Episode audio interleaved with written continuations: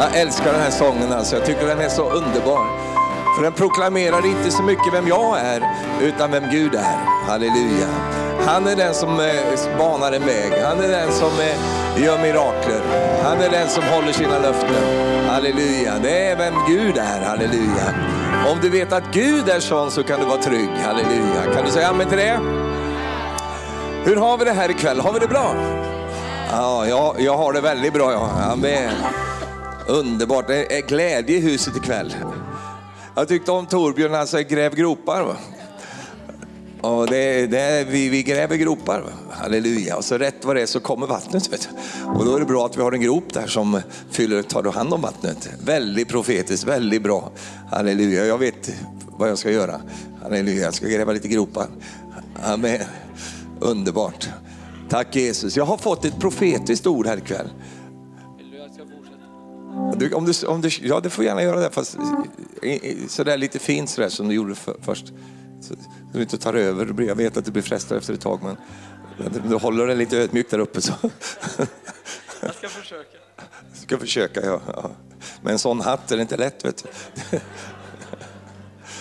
Det är så fint att se er allihopa, som glädje. Vet du. Jag hade haft två fina dagar här. Eh, det är ju underbart. Det är fint att bo här också för att man känner in liksom atmosfären. Det är härligt. Det här är ju ett mirakel, vet du, den här platsen. Att, att det, bara, det är en sak att ha en grej några, något år eller några månader, en konferens eller så, men vet du, det här har ju pågått i många år. Och det är ett stort mirakel, så jag tycker vi ska tacka Jesus för det. Halleluja. Det var inte mycket till tack, så tacka Jesus för detta. Halleluja. Och, och vet, det, det, finns ett underbart ord, det står om inte Herren bygger huset så arbetar arbetarna förgäves på, på allt sammans. Tidigt står de upp och sent går de och lägger sig för, för att liksom, eh, under möda jobba och slita. Jag kan inte exakt det, men du kan det kanske. Eh, det ger han åt sina vänner när de sover. Halleluja. Dags att gå och lägga sig. Jag tycker det är så skönt va, att eh, Herren är så god att vi, vi vilar i honom vet du, och han tar hand om detta. Amen. Visst är det underbart och det upplever man här. Det finns en vila, även om det är strid och utmaningar som det alltid är. Jag var ju inne på det här igår och, och vi pratade om eh, det här med prövningar och hur vi får lära oss att förhålla oss till de sakerna. Eh, och det är viktigt att ha, ha rätt förhållningssätt i alla prövningarna. Eh, och på Bibelskolan så delar jag sista lektionen om det, att när vi det, det, finns ju ett, ett, ord som Paulus säger så här i, i Filipperbrevet 4 och eh, 13 är det väl, just det. Eh, då säger han så här, eh, jag har lärt mig. Denne eh, välutbildade man som kunde allt och hade läst, suttit vid Gamaliels fötter vet, och, och det bästa av det bästa vid den tiden. Han säger, det var vissa saker jag inte kunde från början, där jag har fått lära mig. Och då säger jag, jag kan lida bristen och jag kan ha överflöd. Eh, under alla förhållanden så har jag lärt mig hur man ska leva där. Eh, allt förmår jag i honom som ger mig kraft. Halleluja. Det var ingenting som man fick med sig från skolan, utan det fick han lära sig i livet. Eh, och så är det ju för dig och mig också.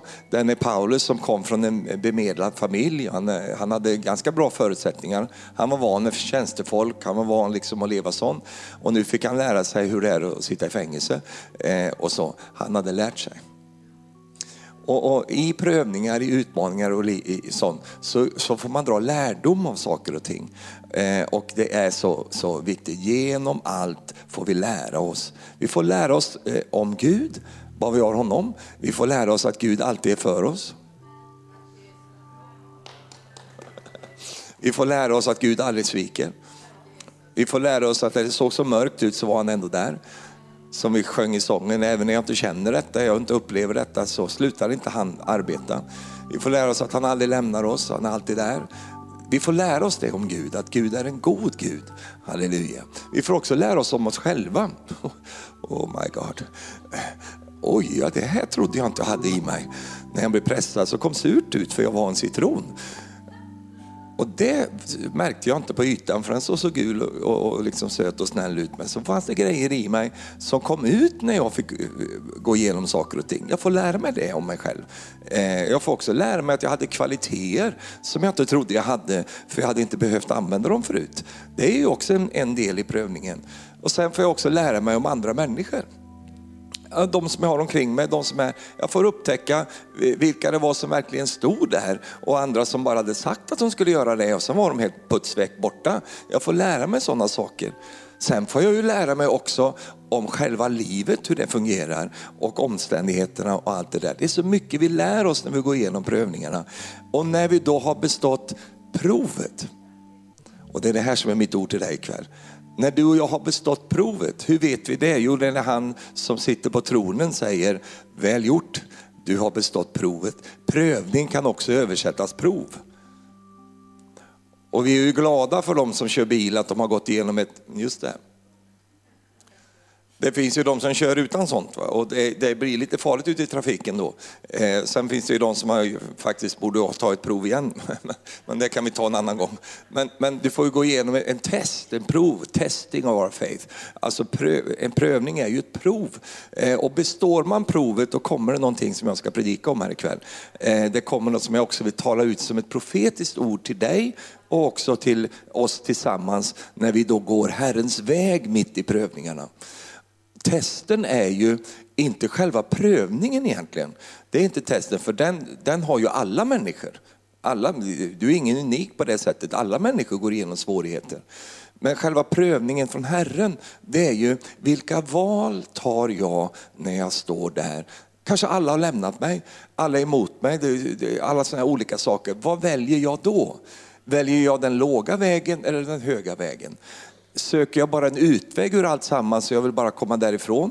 Eller väntar jag in Gud och hans lösning så att han också ger mig en ingång? De kom ut i rökten men de kom inte in i landet. Två stycken kom ut i rökten och de kom också in i landet. Du vet att när du består provet så är det någonting som händer, du kommer in. Och Jesus hade inte, eh, han sa om sig själv, jag är dörren och genom mig kan du komma ut och in. Han ska gå ut och han ska gå in och finna bete, står det där i Johannes 10, vers eh, 9. Är det väl. Halleluja. Och då är det så när vi landar där att, att Herren säger, du har bestått provet. Vet du vad som kommer då? Gottgörelse. Och det var ju inte så många som är glada över det, men jag blir väldigt glad i alla fall när, jag, när Herren börjar eh, tala i mitt hjärta och säger, Stefan, det är tid för gottgörelse. Och det är märkligt det där med gottgörelsen när den börjar komma, när Gud liksom säger nu ska du få gottgörelse. Och då, då tänker vi, varför då? För vi har liksom glömt vad vi är nästan, för att vi har gjort vår kristna skyldighet. Vi har, bet, vi har liksom förlåtit och vi har gått vidare, vi har vägrat att fastna i de där bitterhet och sånt där. Så det är nästan som, men herre det där glömde jag, vet du. det går bra nu. Vet du. Och Herren säger, jag glömde ingenting. Jag. Gjorde du inte? Nej, din skyldighet är att glömma, Herrens skyldighet är att komma ihåg. Han har inte glömt någonting. Han har inte glömt hur du blev behandlad. Han har inte glömt det där de gjorde med dig. Han har inte glömt någonting han vet du. Och så rätt vad det är så när du och jag har bestått provet och säger Herren, nu, är, nu ska du ha gottgörelse. Halleluja. Och jag bara känner, vet du, nu när jag säger det här så börjar det bara, jag vet inte vad det är som börjar här riktigt, men det, det är bara, det killar i hela kroppen. Var är min Norgespelare? Han, han, han, ja? Du bara deppar ihop där. Nej. Du ska liksom, när jag trycker till, skulle jag liksom Man måste lära alla människor hela tiden hur de ska göra i mötena. Jag kan skoja lite med honom för jag har träffat honom några gånger. Jag träffade honom första gången, eh, inte första gången för vi har träffats uppe i Karlstad någon gång på 80-talet. Då hade du ingen hatt, men nu har du det. Vi träffades nere i Yx, Yxnehaga, nej Yxne, Yxnerum där, i världens ände. Det är ett fantastiskt ställe han har köpt här Torbjörn. Det är ju eh, liksom, man kör dit och jag körde och körde. Och så körde jag lite till. Och så tänkte jag, det går inte att köra mer nu för då var det grusväg. Och sen till slut så öppnade sig detta fina ställe. Och så det var väldigt härligt att vara där. Det var jättefint. Så det är fint. Det ligger, var ligger det någonstans egentligen? Östergötland. Tio mil eller sånt där från Linköping eller? Nej. Linköping, Norrköping. Ja, det är väldigt fint i alla fall, men det ska jag inte predika om nu. Utan det här med gottgörelse, att när Herren kommer och ger oss den där gottgörelsen så kan det kännas lite förvånande. För vi tänker, ja, men det var ju så länge sedan det där hände, det liksom har jag ju glömt. Men Herren har inte glömt det. Utan Herren vet hur du led där. Han kommer ihåg det. Ja, men vilken typ av fader är det som bara säger, det där kan du ta. Vet. Ta det där bara. Alltså, det är inga föräldrar som är sådana, utan det gör ont i dem också. Och de längtar efter att det ska bli upprättelse och att du ska få uppleva det. Jag ska ta min sista punkt först. Bara så du vet att jag har en sista punkt. Ifall jag skulle liksom glömma bort den. Va? Nej, det kommer jag inte göra. Och det är just det här ordet som jag fick så starkt och det vill jag ge till dig så får du ta det som, du, som Herren ger det till dig. Och det är att gottgörelse från Gud är på väg. Det är på väg. Halleluja. Amen. Därför att när du och jag består provet och inte står där bittra och besvikna och tar liksom kött till arm och slår tillbaka och gör allt det där som vi så gärna vill göra i de där lägena i livet. Men på något sätt fick vi nåd att välja den högre vägen. Då kommer Herren och säger, du bestod det här provet, nu ska du få se vad jag ska göra här. Halleluja. Amen. Du arma som har blivit så hemsökt av stormar utan att få någon tröst. Med blyglans ska jag nu mura dina stenar och ge dig grundvalar av safirer. Jag ska göra dina tinnar av rubiner, dina portar av karbunklar och hela din ringmur av ädla stenar. Halleluja. Jag, jag tänker, vilken, vilken mur. Va? Det är ingen liksom svensk socialistmur, det är inte. Det är liksom fina grejer han stoppar in där. Liksom. Och du säger, det är ju inte nödvändigt. Nej, men Gud är inte, han gör inte bara nödvändiga saker. Säg tack och lov. Jag är så glad att det inte sitter en svensk på tronen. Utan det sitter Herren sitter på tronen. Hade bara varit cement överallt vet du, om, om, uppe i himlen om det var liksom sådana som du och jag. Men vet, där uppe i himlen där finns det ädla stenar. Det finns, och han, Gud använder sin egen liksom, miljö när han tittar ner på jorden och säger, jag tror jag slänger in till stenar i muren där. Det blänker så fint. Det är ett bling-bling. Gud gillar bling-bling. Halleluja. Amen. Alltså, bli inte arg på mig nu, men, men läs genom Bibeln, Guds folket, hur de såg ut. Det var ju så mycket girilanger och det var ju så mycket öron och näsringar och allt möjligt som de hängde på sig. Gud hade nema problem med det. Utan Gud, det, liksom, det där var fina grejer. Och Gud säger, det står i Guds ord också, eller i, i skapelsen, det står ju om, om eh, det här guldet som det står vid en av de här floderna som, som det står så här. Och det guldet var, just det, det var gott ja. Halleluja. Det var inget ont med det guldet. Så du ska få ädla stenar här och allt möjligt. Vet du. Halleluja. Och då kan någon tänka att ja, men det behövs inte Herre. Sluta nu och säg vad, till honom vad som inte behövs. Utan han vill ösa på gottgörelse. Halleluja. Amen. Bara tacka och ta emot. Jag, var, jag höll på hela eftermiddagen där och, och, liksom, och, och, vi gick på det här med Herren är överflödets Gud. Allt han gör det, bara, det blir överflöd. Vet du. Och han är inte en Gud som bara ger det som är lagom och så här passlig, utan Gud ger välsignelse i rikt mått. Och nu tänker vi inte bara på, på eh, liksom, eh, vad ska vi säga, pengar och sådana där grejer och, sånt, utan vi tänker på i livet. Va? Gud bara öser på. Och det är sån Herren är och han är en underbar Herre. Visst är han det? Ja. Och dina barn ska alla bli Herrens lärjungar och deras frid ska vara stor och i rättfärdighet ska du bli befäst och förtryck ska vara fjärran ifrån dig. Du har inget att frukta, förskräckelse ska vara borta, den ska inte komma dig nära. Så hoppar jag in i Jeremia 31, det är de här två sammanhangen som jag fick här. I Jeremia 31 och vers 3. Fjärran ifrån uppenbarelse Herren för mig. Med evig kärlek har jag älskat dig. Därför låter jag min nåd förbliva över dig. Än en gång ska jag upprätta dig så att du blir upprättad, du jungfru Israel. Än en gång ska du ta upp din tamburin och dra ut i dans bland de som är glada.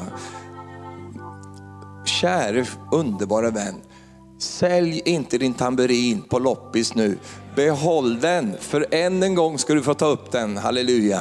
Och du ska få dra ut i dans bland de som är glada. Vad är kännetecknen på, det var så bra det Torbjörn sa det här, att liksom, eh, gör, är jag glad när jag gör det här? Och, och de, vilka ska du associera dig med i livet? Associera dig med människor som är glada. Därför att det är en väldigt djup och viktig portion och del utav Guds rike som består utav glädje. Det var, var en, eller en, det var, var, ett sammanhang som ville så här ska ni vara med på, det skulle koppla med det här och så vidare.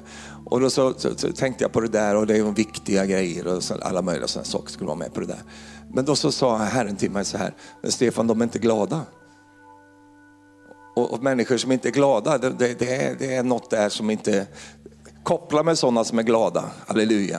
Amen. För det är sant och djupt och, och, och, och, ädelt kristen att vara glad. Halleluja. Kan du säga halleluja? Amen. Och det är ju så att glädje smittar ju av sig också så att när du kopplar med människor som är glada så blir du glad själv. Du ska dra ut i dans bland de som är glada och än en gång ska du plantera vingårdar på Samariens berg och de som planterar ska själva njuta frukten. Amen. Tack Jesus. Det var de här två orden som jag fick och jag kommer tillbaka till det här. Eh, men jag tänker så här, om du går med mig till Efesierbrevet 2 så får jag ta oss igenom en, eh, eh, några tankar här. Det står så här i Efesierbrevet 2. För jag tror det är väldigt viktigt, nämligen det vi ska läsa nu i vers 18. Jag läser det först då. Då står det så här.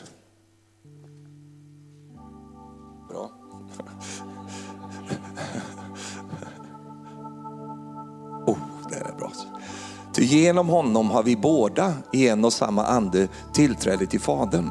Alltså är ni inte längre gäster och främlingar, utan ni är medborgare tillsammans med de heliga och ni tillhör Guds familj. Säg efter mig, medborgare. Jag skulle kunna kalla den här predikan, känn dina rättigheter som en medborgare. Du vet Paulus brukade det här uttrycket ganska mycket. Han använde det så mycket därför att det var ju väldigt bekant i den tiden som han levde och där han predikade. För där var ju människor antingen romerska medborgare eller inte. Och Paulus hade ju den fördelen att han var romersk medborgare och han, han använde det till max i alla olika lägen. Du vet att eh, Paulus hade fördelar som Petrus inte hade. Därför att Paulus var romersk medborgare och det hade också med kallelsen att göra säkert. Därför att annars kunde han inte ha gjort det han gjorde. Eh, och Paulus visste om sina rättigheter. Min fråga till dig är, vet du om dina rättigheter som Guds rikes medborgare? Och ikväll så kommer jag lyfta in rättigheterna som vi har, och vi vet också att det finns skyldigheter. Men det kan eh, liksom vi ta någon annan gång. vi börjar med rättigheterna. Eh, och eh, de här rättigheterna som finns i Guds rike är viktiga att man är medveten om. För annars så kommer du och jag bli hunsade omkring. Annars kommer du och jag liksom att leva under våra privilegier. Därför att de rättigheter som vi har i Guds rike är enorma. Och de bygger inte på dig som person i första hand, utan de bygger på att huruvida du är medborgare eller inte. Är du medborgare i Guds rike så kan du ha en dålig dag, det ändrar ingenting. Du kan må lite dåligt, det spelar ingen roll. För är man medborgare så är man medborgare. Det är inte byggt på en känslomässig sak utan det är byggt på en faktisk verklighet. Och Paulus säger, eh, ni har blivit medborgare, eh, ni som var främlingar och gäster. Nu är ni medborgare i Guds rike. Detta är mycket större eh, än vad vi kanske kan föreställa oss. Och det får också effekter när vi ser det och när vi handlar på detta. Så du har inte bara blivit räddad min vän, du har också blivit medborgare. Vad står det? Jo, han har fört oss in i ljusets rike, tagit oss ut ur mörkrets rike och placerat oss i den älskade sonens rike. Och i riket, Guds rike alltså, där är du och jag idag, vi är medborgare. Kan du säga medborgare? Amen. Han säger i kapitel 2 här, i, ja det är samma kapitel i vers 12. Ni var på den tiden utan Kristus, utestängda från medborgarskapet i Israel, hade ingen del i förbunden med deras löfte. Ni levde utan hopp och utan Gud i världen. Men nu har ni som är i Kristus Jesus och som en gång var långt borta kommit nära genom Kristi blod. Halleluja. Amen. Detta skriver alltså då Paulus och Paulus hade ju ljus över detta. Både i, i så att säga, andligt ljus men också eh, en, en, en naturlig kunskap om vad det innebär att leva med rättigheter såsom en medborgare. Och detta beskriver han då och de som lyssnade på honom där, de förstod ju precis vad han pratade om. För alla där som satt och lyssnade hade ju en längtan och en dröm. Tänk om man kunde få bli romersk medborgare. Vad livet skulle vara härligt om jag fick bli det. Men Paulus, han var ju redan romersk medborgare och han visste vad det betydde. Han, hade, han kunde detta. Och till exempel, om vi då går till Apostlagärningarna 22, så har vi ett sådant exempel här i vers 25. När man hade sträckt ut honom för att gissla honom så sa Paulus till officeren som stod där, får ni gissla en romersk medborgare som inte ens har blivit dömd? Så snart officeren hörde det så gick han till befälhavaren och berättade och sa, vad tänker du göra? Den här mannen är ju romersk medborgare. Då gick befälhavaren och frågade honom, säg mig, är du verkligen romersk medborgare? Paulus svarade, ja. Befälhavaren sa, jag fick betala en stor summa pengar för detta medborgarskap. Och Paulus svarade, men jag är född med det. Titta på din vän och säg så här, jag är född med det. Halleluja. Ja, den som har öron att höra med, han hör vad anden säger till församlingen här. Alltså du har inte fått köpa det här medborgarskapet som vi pratar om ikväll. Du är född med det. Och är du född, då har du medborgarskapet. Och har du medborgarskapet, då har du rättigheter. Jag tänker på en sång som bubblar upp i mig nu. Då gav han rättighet att vara din. Ja, den är fin den sången. Amen. Jag är född med det, säger han. Halleluja. De som skulle förhöra honom drog sig genast tillbaka. Också befälhavaren blev förskräckt då han fick veta att Paulus var romersk medborgare eftersom han hade låtit fängsla honom. Du förstår vid den här tiden att vara romersk medborgare var ju en högsta dröm. För, och de flesta var inte romersk medborgare. Eh, utan romerrika det bredde ut sig över hela världen. Och eh, de, de, flesta hade inte det här som, som Paulus hade. Att man, han kom från Tarsis och, och, hans pappa var ju romersk medborgare så fick han, han var född med det. Eh, och därför så kom han in i det här.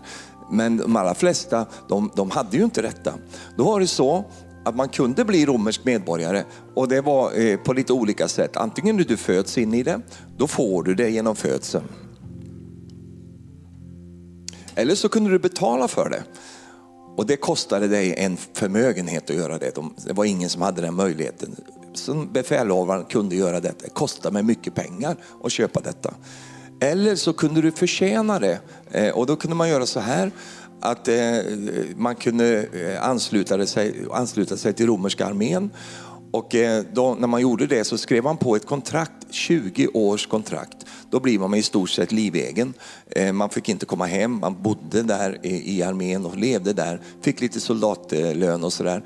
Så fick man ansluta sig där. Efter 20 år så, så liksom fick man pension då. Och pensionen bestod i att man blir romersk medborgare. Och det var väldigt många som anslöt sig till den romerska armén för att det var så väldigt fördelaktigt att få eh, bli romersk medborgare. Därför att om du inte var romersk medborgare, då är du precis som Paulus säger, då är du gäst och främling. Vilket betyder att du har inte rätt att gifta dig, du har inte rätt, rätt att äga mark, du har inte rätt att, att bedriva business och affärer. Du har väldigt mycket liksom begränsningar i detta. Och romarna var ju extremt organiserade. Eh, och det gjorde det att de romerska medborgarna, när man blev romersk medborgare som de här soldaterna sen då fick bli, om de hade överlevt krigen alltså. 20 år, vet du, då är du ju slut som människa och säkert också död för länge sedan. Men i alla fall, det, ändå var det massvis som ville bli detta, för det var hägring. Va? Det var högsta vinsten att få bli det. För då hade du rätt att få egen mark som du kunde bygga på. Du kunde också gifta dig. Eh, och du fick också en, en, en plakett som var gjord i koppar. Eh, och det var två stycken exempel, eh, exemplar av den. Den ena fick du bära som liksom en sån eh, runt halsen. Den andra fanns förvarad i Rom eh, som, som också bevisade att den här personen är romersk medborgare. Och då fanns det massa rättigheter runt det där och jag ska läsa upp några stycken av dem. Eh, det, det, att vara romersk medborgare bety, betyder då att du fick rest, rösträtt i romerska församlingar. Du fick rätten, och det finns massa latinska grejer som jag inte läser. Du fick rätten att inneha vissa ämbeten, du kunde göra alltså karriär. Du fick rätt att ingå avtal och äganderätt. Eh, det var en samling lagar som reglerade romarrikets förhållande till icke-romare. Alltså du var på den, den eh, fördelaktiga sidan där. Du fick rätten att ingå romerskt äktenskap och därmed inkluderas i den romerska familjerätten. Du fick rätt att behålla samma medborgarstatus vid flytt till andra städer och kolonier. Du fick rätt att eh, betala, slippa betala skatt och regleringar, säg halleluja. Ja, just det, just det, just det. Du fick rätt att stämma i domstol. Du fick rätt till en egen rättegång. Och du fick rätt att överklaga vissa beslut. Och du fick rätten att inte bli torterad, piskad eller dömd till döden, förutom vid förräderi. Och man fick heller inte korsfästa dig. Eh, och det var ju därför som, som Petrus blev, fick bli korsfäst, men Paulus blev ju inte det. Därför han var romersk medborgare. Och eh, eh, det här, sammantaget det här, så när vi ser då Paulus och hans kunskap här, så, så bara det att han säger att han är romersk medborgare så går det en chockvåg i allt sammans här. Vad har vi gjort för någonting? Vad jag vill säga med det, med det här, det är att du har blivit medborgare i Guds rike. Jag sa att du har blivit medborgare i Guds rike. Och där har du någonting som är långt mycket bättre än vara medborgare i ett världsligt imperium, ett världsligt rike. Halleluja. Som medborgare i Guds rike så har du många rättigheter. Kan du säga halleluja, det här är bra. Ja. Nummer ett, du har rätten att kalla dig Guds barn. Alltså det är inte bara så att du, du, du har rätt att göra det ett Guds barn. Du har rätt och tillgång till alla Guds välsignelser. Varför då? För du är medborgare. Amen. Du har rätt att bruka Guds signetring. Vad är det för någonting? Jo, när pojken kom hem så, fick han ju, så säger fadern, sätt en ring på hans finger. Och de här ringarna, det hade de ju på sig för det var ju familjeemblemet liksom, på de ringarna. Så, så han kunde då stämpla pappas papper och, och liksom i alla sådana här transaktioner och allt sånt där så hade han auktoritet att göra det. Du har rätt att bruka Guds signetring. Och vet du vad det är för en ring? Vet du vad det står på den ringen? Det står Jesus på den ringen, halleluja. Du har rätt att lösa ut alla löften. Du har rätt att lösa ut det som rätteligen tillhör dig, halleluja. Kan du säga halleluja? Du har fått det här inte för att du har tjänat, förtjänat detta. Och många religionens vägar det är ju det att, att hänga moroten framför oss. Så att om du, om du gör detta, du gör alla de här sakerna så kanske du möjligtvis kan få en, en sån här rättighet. Du och jag, vi har inte fått det för att vi har förtjänat det. Vi har fått det för vi är födda in i det. Halleluja, amen. Och är du född in i det så har du det, halleluja. Men frågan jag ställer till dig ikväll, Även om du har det så hjälper det inte om du inte vet om det. Paulus både hade det och visste om det. Och eftersom han visste om det så brukade han det för allt det var värt. Halleluja. Och det tog honom långt. Du vet ju ett exempel när Paulus säger så jag, jag, jag pläderar till kejsaren, jag vill till kejsaren. Och då säger ju kungen, när landshövdingen säger så här, ja till kejsaren har du, har du eh, ja, vad säger man? vädjat. Ja. Till kejsaren har du vädjat och till kejsaren ska du få fara. Därför att det var hans rättighet.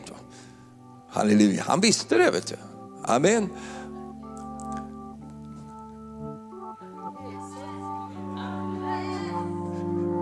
Ola. Du vet vad jag tänker va? Vi vädjar inte till kejsaren. Vi vädjar lite högre upp. Vet du. Halleluja. Jag åkallar Herrens namn. Halleluja. Och det namnet det råder i tre världar. Halleluja. I den himmelska världen, på jorden och under jorden. Halleluja. Det är över alla andra namn. Vet du. Halleluja. Men vet du, om jag inte vet om det, då kommer jag aldrig bruka det. Men om jag vet om det, och du vet att din fiende vet om du vet om det. Men om du inte vet om det så vet han det också. Och då kommer han slänga runt med dig som en trasdocka. Men i den stund du vet om det. Du vet att Paulus, han lät sig inte bli hunsad hit och dit. Han visste sina rättigheter. Och vi kristna, kan jag få säga så här, vi har blivit hunsade länge nog. Kastade hit och dit, fram och tillbaka. Och varför då? Därför att vi inte har känt till våra rättigheter. Och vi har inte brukat dem. Varför tror du Jesus gav sitt blod och utgöt sitt eget blod? Inte bara för att du skulle liksom, känna den där, åh vad fint att du gjorde så Jesus. Han gjorde det för att han ville att du skulle ha rättigheterna. Halleluja. Och det är inga vilka som helst rättigheter, de är blodköpta. Amen. Och de tillhör dig till evig tid. Kan du säga amen till det? Halleluja. Och du, och, och som, som, du har rätt att bli kallad Guds barn, du kan kalla dig för det. Tillgång till alla Guds välsignelser. De har fått sitt ja genom Jesus, de tillhör dig. Du kan bru, bruka Guds signetring och du kan stämpla pappas papper. Halleluja. Du har auktoritet att driva ut alla onda andar. Varför då? Du är medborgare. Halleluja. Du har rätt att driva ut dem genom Jesu namn. Du har rätt att råda och regera med Jesus. Halleluja. Amen. Du är under Guds beskydd. Du är beskyddad av den högste. Halleluja, han vakar över dig. Amen.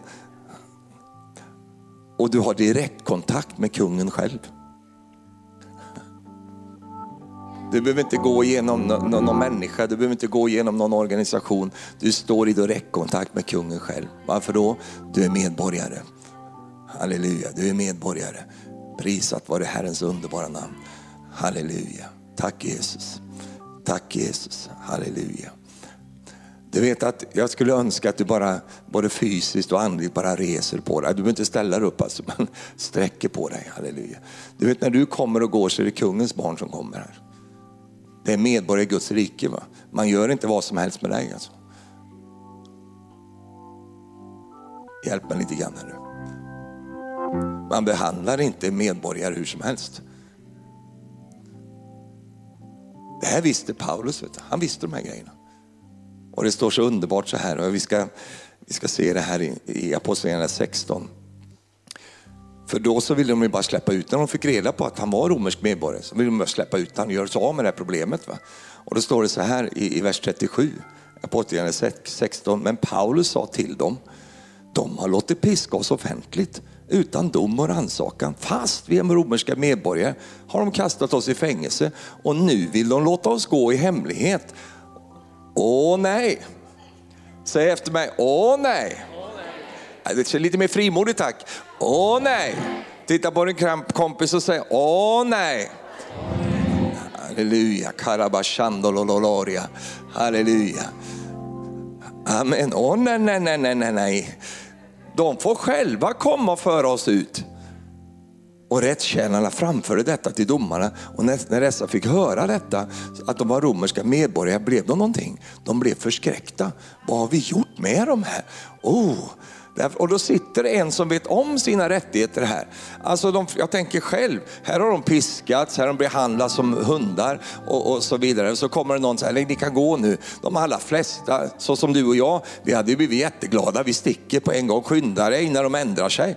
Alltså det, det är det naturliga, men inte Paulus. utan han sitter blodig och dan och sönderslagen och säger, nej, nej, nej, nej, vänta lite här nu, vi ska gå i stil här. Va? Ska inte bara smita, smita iväg här. För sättet jag, jag, min, min utgång blir alltid min ingång. Så vi går inte ut besegrade, nederlagsstämda och, och, och sådär och smyger iväg med svansen mellan benen. Utan vi går ut som de kungabarn vi är, halleluja. Åh nej, nej, nej, nej. Nu, nu väntar vi lite grann här nu. Så fick de komma där och då står det, då kom de och talade vänligt med dem. Därför att du förstår, det var farligt att sätta dit en romersk medborgare utan grund. Det var, det, vet du, de, det var de nu som hade problemet, inte Paulus. Han, var ju, han satt ju på den sidan, som, han kunde ju bara vänta ut det här. Halleluja, och det kan du också göra. Halleluja, du har allt för dig du vet du. Halleluja, för du har Gud med dig. Åh nej, nej, nu väntar vi här lite grann. Och så fick de komma där och liksom ledsaga ut dem där. Va? Vänner, det kommer gottgörelse. Det kommer gottgörelse. För Herren såg hur det, där, hur det där gjordes mot dig. Han såg detta. Kom ihåg en sak.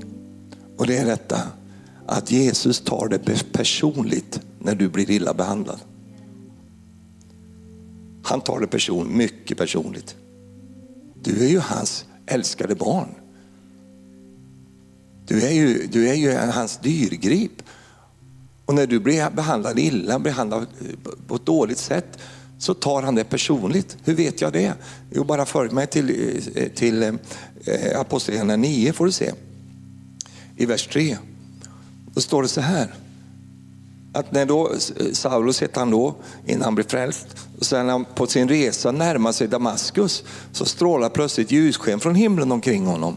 Och han föll till marken och han hörde en röst som sa till honom, Saul, Saul, varför förföljer du mig?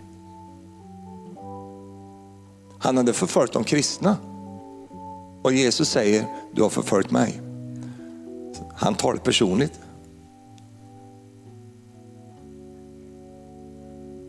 Och Herren såg vad som gjordes mot dig. Han såg det. Han såg när det fanns en belöning du inte fick som du skulle ha fått. Han såg när du blev förbisedd. Han såg när de där sakerna sades till dig, sades mot dig, gjordes mot dig. Han såg allting och han tog det personligt. Och vet du vad han kommer att göra? Han kommer att gottgöra dig. Halleluja. När du har bestått provet. Och vad är det då? När har jag bestått provet? När min hämndlystnad är stillad. När jag inte har någon önskan att liksom drämma till dem och slå till. För det har du haft många gånger. Sitt inte där och spela med mig. Alltså du ville dela ut en, en tre, fyra nackskott. I dina mörkaste stunder. Du ville gräva andra typer av gropar. Fallgropar. För du var så upprörd, du var så arg och du sa det är inte rättvist det här. Hur kan de behandla mig på det sättet? Tror du inte att Herren såg det? Det är klart han såg det. Och sen fick du gå en väg med Herren. Och sen fick du liksom tvätta, vaska ur allt det där jobbiga, det mörka och allt det där. Och så kommer du till platsen där du är som ett, som ett barn, liksom stillad och själen har landat. Och du känner skönt, amen, jag har inget emot någon längre. Jag vill inte någon illa, ingenting. Jag, jag bara, liksom, åh, jag bara välsignar dem. Åh, de, halleluja. Du är så fri som en lax. Vet du. Fri som en lax i Laxå. Halleluja. Och du bara känner, amen, nu kan jag köra vidare. Och så säger Herren, åh nej. Vi är inte riktigt färdiga än, säger Herren. Vad menar du? Jag såg det där. Jag såg det. Och jag tog det väldigt personligt. För man behandlar inte dig på det där sättet. Ja, men herre, jag har glömt det där. Ja, det var bra, det var din skyldighet. Och då säger Herren, men jag kom ihåg det. Och nu kommer gottgörelsen. Hur ger Gud igen? Ger han igen genom att slå ihjäl dem som har bråkat med dig? Då är det någon som säger, amen, du har inte bestått provet. Han ger inte igen på det sättet. Han ger igen genom att välsigna dig. Halleluja. Det som togs ifrån dig, fienden drar upp åt en väg på sju vägar. Ja.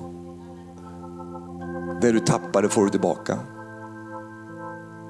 Rågat, skakat, överflödande. Halleluja.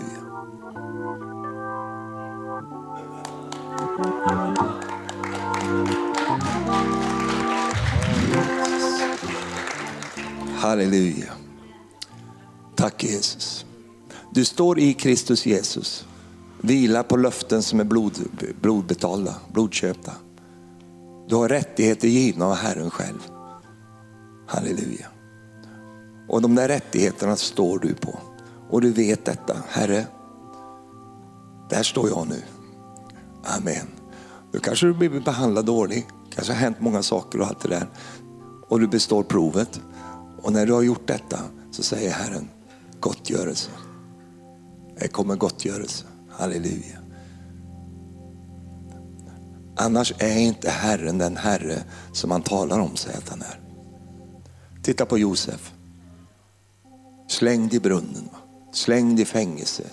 Upp i fängelse, tillbaks till fängelse.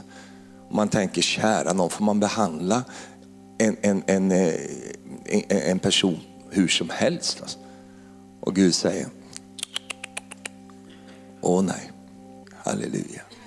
Från fängelsehålan till landets högsta person, halleluja. Amen. Åh, oh, halleluja. Men vad händer i brunnen i en man som Josef? Vad händer i fängelsehålan i en man som Josef? Jo, han får gå igenom processen. Han får jobba igenom olika saker. Han hade kunnat bli en förfärlig maktmänniska när han väl fick chansen. Men det blev han inte. Varför då? Han hade bestått provet. Och Gud bara ger honom en upprättelse som heter duga. Amen. Tack Jesus. Jag sa tack Jesus. Vad säger du? Amen. Halleluja. Nu är jag vid min sista punkt. Gottgörelse är på väg. Gottgörelse är på väg. Halleluja. Det finns människor här ikväll, detta som, som Herren ska göra med dig nu, det hände för så länge sedan så att du har glömt det. Och Herren har inte glömt någonting. Halleluja. Amen. Vad skönt, nu blir det hämnd. Nu blir det hämnd. Ja, det blir Guds typ av hämnd. Och Guds typ av hämnd, det är att han välsignar sockorna av dig. Halleluja. Jag tänker på den här Potifars hustru, vet du. Som, eh, som, som försökte få ner Josef i sängen. Och Josef fick, du vet, han fick fly, han fick fly i stort sett naken med kalsongerna. Hur kul är det? Va? Alltså, han sprang, han fick drog av sig manteln och allting bara för att komma bort från tanten. Va? Han måste varit desperat alltså. Så han sprang ut och då så satte hon dit honom. Och då tänkte man nu är det ju kört för honom. Men det fanns en röst i himlen som sa, åh nej. Halleluja. Nästa gång de sågs, det är när Josef rider på kung faraos vagn. Och där sitter Potifaran. Och Potimoran. Där sitter, står vid vägkanten och måste böja sig ner för Josef. Halleluja. Det är Guds typ av hämnd. vet du. Halleluja. Jag vet inte hur det är med dig, men jag känner att det här är väldigt bra. Alltså. Det här är väldigt bra. Jag bara känner det. Halleluja. Jag bara känner så, det är bara sån underbar liksom, olja här ikväll. Att Gud ska ge gottgörelse. Halleluja. Oj vad du har gråtit. Oj vad du har varit ledsen. Och du kände att det var ingen som såg det, ingen som hörde det där. Du bara liksom blir lämnad i sticket och, och bedragen och allt möjligt. Det finns ju olika typer av eh, eh, öden här ikväll. Och du tänkte, fanns det ingen som såg det här? Va? Hur du blir behandlad. Jo, det fanns en. Han såg. Och nu säger du, jag har fått nåd att glömma allt det där. Jag, vad bra, jättebra. Och så har du han som inte glömmer någonting. Och säger, jag är inte riktigt klar med dig än. Halleluja. Du klarade provet. Du gick igenom det här. Du gjorde det galant. Du har fått körkort. Nu ska du och jag ta en liten Eriksgata här. Halleluja. Nu ska vi åka här förstår du. För nu ska jag upprätta dig. Och nu ska jag stoppa tamburinen tillbaka i näven på dig. Halleluja. Och nu ska jag föra dig dit du hör hemma. Halleluja. I dansen bland de glada.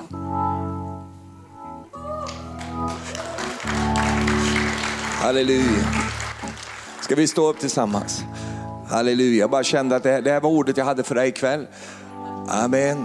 Ta emot det. Och det gäller även arken här. Det gäller församlingen här. Det gäller, alltså det finns gottgörelse som är på väg. Halleluja. Tack Jesus. Och i, i det jag nu har delat här så, så förstår du att det finns liksom en djupare tanke och djupare mening med det här med prövningar och, och, och, och prov och sådana här saker. Du förstår att Gud vill sända sin gottgörelse in i våra liv. Men du förstår, om jag inte har fått gå igenom de här sakerna i mitt liv och Gud skulle ösa på välsignelse, vem skulle jag bli då? Hur skulle jag bruka alla de här medlen som, som öser över mig? Hur skulle jag bruka det här att få bli upprest och så? Eh, om, jag inte är, om inte min vrede, mitt hat, min, min, min, min bitterhet, om inte det är liksom urvaskat så att jag har blivit ren, då skulle jag bli en förfärlig människa när de här sakerna kommer. Och det är det som är så viktigt, att jag är ren när de här sakerna sker. Men när, när det har hänt, när det är som det ska vara, då kommer gottgörelsen. Halleluja. Alltså då kommer gottgörelsen. Amen. Jag tänker på den här, jag har läst mycket om de här två killarna, Jakob och Esau. Och, och, du vet att Esau då som, som var så nonchalant och så, så liksom lättsinnig med, med de tingen som Gud hade gett honom, förstfödslorätten. Och när han hade liksom eh, kom hem från jakten där va, så, så står ju Jakob där och har gjort i ordning en, en, någon slags gryta där. Och då är han så hungrig vet du. Och då så säger Esau, vad är det du har där? Det röda där. Och jag har en hel predikan om det röda där. Varför är det oftast godis och rött? Varför är ofta frestelsen liksom målad i röda färger? Det röda, vad är det röda du har där? Han blir så frestad vet du. Och Jakob säger, ja men det är liksom en soppa här. Kan jag få någonting av det? Jajamän, säger Jakob. Men eh, ja, ja, då, då, får du ge mig din förstfödslorätt. Och då fick han, ja men det, vad ska jag ha den till? Så han gav honom det. Så egentligen det som skedde sen med Rebecka och allt det där, det var inget fel för att Esau hade ju gett bort den till Jakob. Men Jakob blev fri för sitt liv. Och jag kan tänka mig att han skulle tänka så här, det här är ju inte schysst, det är inte rätt, det är inte jag som ska fly, det är inte jag som har, jag har ju gjort, det är ju min rättighet det här egentligen. Men det glömdes bort. Men Gud glömde inte det. Och så får han då springa iväg och leva som en flykting. Och inte nog med det, liksom, han fick betala för två fruar. 14 år, han fick Lea först. Och det var inte så kul så då säger han, jag vill ha Rakel. Och då fick han jobba sju år till, 14 år för att slita och släpa för, för den här Laban. Då. Till slut så fick han komma tillbaka. Och när han kom tillbaka så möter han Esau. Och Jesus säger, ser att Guds hand är med dig. Han, kom till, han sprang iväg som en flykting. Han sprang iväg som, som en, en riktig bedragare och allt det där. För det var ju det som kom emot honom. Han kommer tillbaka, halleluja, och får gottgörelse. Amen. Kanske du har sprungit iväg. Och det var inte, var inte schysst det som hände. Du var den som fick dra det korta strået. Du var den som åkte dit. Du fick stå där. Och du tänker så här, kära någon, det här var inte, det var inte rätt och riktigt. Men nu har du fått nåd att lägga det under blodet och sen så är du glad i alla fall. Och så säger Herren, åh nej. Kan du säga efter mig, åh nej. Titta på någon som står jämte dig. Åh nej. Och så gör du så här. Halleluja. Amen. Åh oh, Jesus. Herre, vi tackar dig för den här kvällen. Vi tackar dig för det profetiska ordet, Herre. Tackar dig för att du ska ge gottgörelse in i människors liv och att du ska välsigna människor på ett sådant sätt, Herre, som går utöver vad de kan tänka, bedja och ens förstå, Herre. Herre, inte för att vi är så dugliga, inte för att vi är så förnäma eller så duktiga på något sätt Herre, utan för att du är trogen till ditt eget förbund Herre. Du är trogen till de, de, de, eh, den medborgarstatus som vi har fått i dig Herre. Och tack Herre för att du också tar saker personligt Herre. Du, du, du, du, tar illa vid dig när vi behandlas illa Herre. Herre, vi är inga vilka som helst Herre, som man kan hunsa dit och dit och bete sig med hur som helst Herre. Och länge nog har de kristna låtit sig hunsas. Länge nog har de som är blodköpta låtit sig kastas hit och dit. Nej Herre, det är en ny tid som kommer nu Herre. Vi går med uppresta huvuden Herre. Vi går Herre därför att vi vet att vi bär din ring på vårt finger. Vi har auktoritet Herre. Vi, vi låter oss inte tryckas ner Herre. Vi låter oss inte behandlas som djur Herre utan istället Jesus så reser vi oss upp, inte i oss själva, men vi reser oss upp i dig Herre. Och vi tackar dig Herre för vad som än har skett emot oss Herre. Vad som än har skett emot Guds folket. Så säger vi som Paulus säger, åh nej, åh nej. Åh nej, åh nej, kalabashandalalandioloria. Åh nej, tider av upprättelse, tider av gottgörelse. Och än en gång ska vi få dra ut i dansen bland de glada Herre. Vi prisar och lovar dig Herre. Tackar dig för det Herre. Halleluja, halleluja. Åh, prisat vare Herrens namn. Halleluja. Amen, halleluja. Karabashandoloria. Jag vill att du tar din väns hand som står jämte dig. Det finns en böneström här nu. Och bara låt oss bedja här tillsammans. Här. Nu ber vi som är ett folk. Vi ber och kopplar tillsammans. Halleluja. Åh Jesus, vi tackar dig. Nu förlöser vi detta profetiska ord. Vi förlöser det rätt ut Herre. Vi förlöser ut det Herre på den här platsen, i den här församlingen Herre. I de människor som står och representerar här. Vi bara förlöser ut det Herre. Tider av gottgörelse Herre. Tider av gottgörelse Herre. Tider av gottgörelse Jesus. Kiri alabashindi alabasondolonoria. Åh, halleluja, halleluja, halleluja, halleluja, halleluja, halleluja, halleluja. Åh, en förlösning, en förlösning av välsignelsen. en förlösning av överflöd, en förlösning av genombrottet. en förlösning i Jesu namn. Shikiri alabagandio loloria, lalalandio. Halleluja, halleluja, halleluja, halleluja. Åh Jesus, åh Jesus, halleluja, halleluja, halleluja, halleluja, halleluja. Och jag bara hör Herrens ande säga så här. Jag såg när man försökte osynliggöra dig. Jag såg när man försökte ställa dig i skuggan. Jag, jag såg när man, man bortprioriterade dig. Jag såg alla de sakerna och du säger Herre varför? Herre varför är det så? Jag såg allt sammans i, i, i, när, när människor smidde ränker. När människor försökte eh, skapa saker därför att i fruktan eh, och i, i, i, i maktpositionstänkande så, så, så, så gjorde man detta och tänkte att man skulle komma undan med det här. Och tänkte att nu, ja, men då har vi löst det här. Nu har vi ordnat detta. Men jag såg det säger Herren och jag kommer att ge dig gottgörelse. Jag kommer att resa upp dig på ett sådant sätt eh, att du, du kommer över och inte under. Att du kommer fram och inte bakom.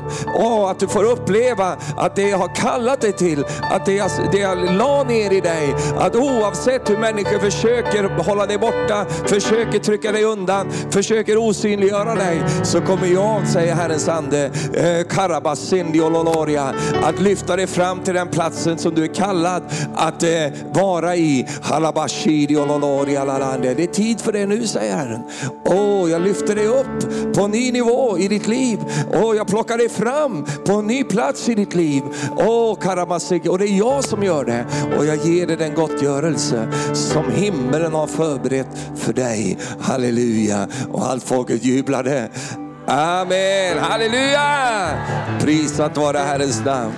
Prisat vare Herrens, amen. Bara prisa honom. Prikarabasondoloria. Bashirioloria lalandio. Halleluja, halleluja, halleluja. Oria la massandoloria lalandio. Oria la massindio loloria la lelele. Sirio loloria la rioloria la riololo. Halleluja, halleluja, halleluja, halleluja, halleluja, halleluja. Oria la basikriando. Åh Jesus, åh Jesus, Jesus. Åh, jag bara känner det bara förlösning. Alltså. Jag bara upplever den en förlösning. Åh, det är en förlösning. Halleluja, halleluja, halleluja, halleluja, halleluja. Amen. Och du vet den, den glädjen som kommer rulla fram. Det är inte skadeglädjen, utan det är Jesusglädjen. Halleluja. Det är inte, det är inte liksom hämndens sötma, utan det är Herrens sötma. Halleluja. Tack Jesus. Halleluja. Varför är det på det sättet? Därför att han är waymaker, miracle worker, promise keeper, light in the dark.